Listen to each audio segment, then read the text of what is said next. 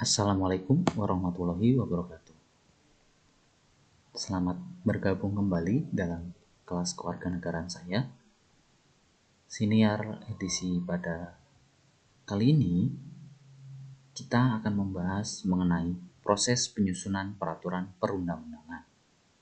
Di antaranya ada UUD 1945 dan peraturan-peraturan lain di bawahnya. Setelah sebelumnya kita membahas mengenai asas asas dan materi muatan yang harus terkandung dalam undang-undang, nah sekarang kita akan membahas bagaimana proses menyusunnya. Oke, yang pertama yang akan kita bahas adalah UUD 1945. UUD 1945 merupakan hukum dasar dalam peraturan perundang-undangan yang berarti itu adalah hukum yang tertinggi di Indonesia. Sebagai hukum dasar, Undang-Undang Dasar mengikat setiap warga negara dan berisi norma dan ketentuan yang harus ditaati. Selain itu, UUD 1945 merupakan sumber hukum bagi peraturan perundang-undangan dan merupakan hukum tertinggi dalam tata urutan peraturan perundang-undangan di Indonesia. Secara historis, UUD 1945 itu disusun oleh BPUPKI atau Badan Penyelidik Usaha Persiapan Kemerdekaan Indonesia dan kemudian ditetapkan menjadi Undang-Undang Dasar oleh Panitia Persiapan Kemerdekaan Indonesia atau PPKI pada tanggal 18 Agustus 1945. Lembaga yang berwenang untuk mengubah dan menetapkan Undang-Undang Dasar adalah Majelis Permusyawaratan Rakyat atau MPR.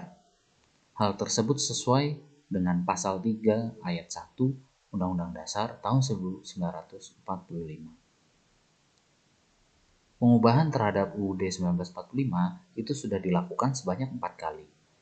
Di antaranya tahun 99, tahun 2000, tahun 2001, dan yang terakhir tahun 2002. Pengubahan ini dilakukan sebagai tuntutan dari reformasi yang terjadi dalam sistem pemerintahan di Indonesia. Adapun tata cara pengubahan Undang-Undang Dasar itu diatur dalam pasal 37 Undang-Undang Dasar tahun 1945. Terdapat beberapa kesepakatan dasar berkaitan dengan pengubahan UUD 1945. Di antaranya, yang pertama, tidak boleh mengubah pembukaan Undang-Undang Dasar 1945 yang kedua, tetap mempertahankan bentuk negara kesatuan Republik Indonesia. Yang ketiga, pengubahan dilakukan harus menguatkan sistem pemerintahan presidensial. Yang keempat, yaitu pengubahan dilakukan dengan cara adendum.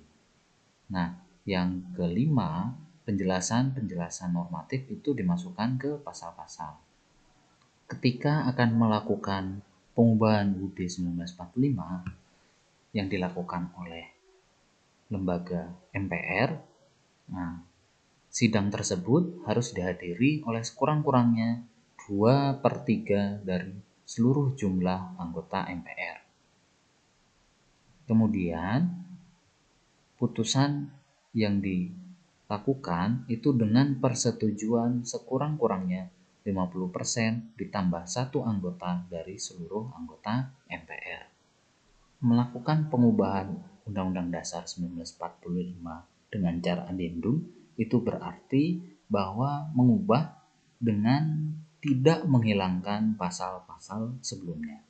Jadi, bila ingin mengubah salah satu pasal dalam Undang-Undang Dasar 1945 itu tidak dihapus begitu saja, tapi tetap disertakan dalam dokumen dengan tujuan untuk kepentingan bukti sejarah.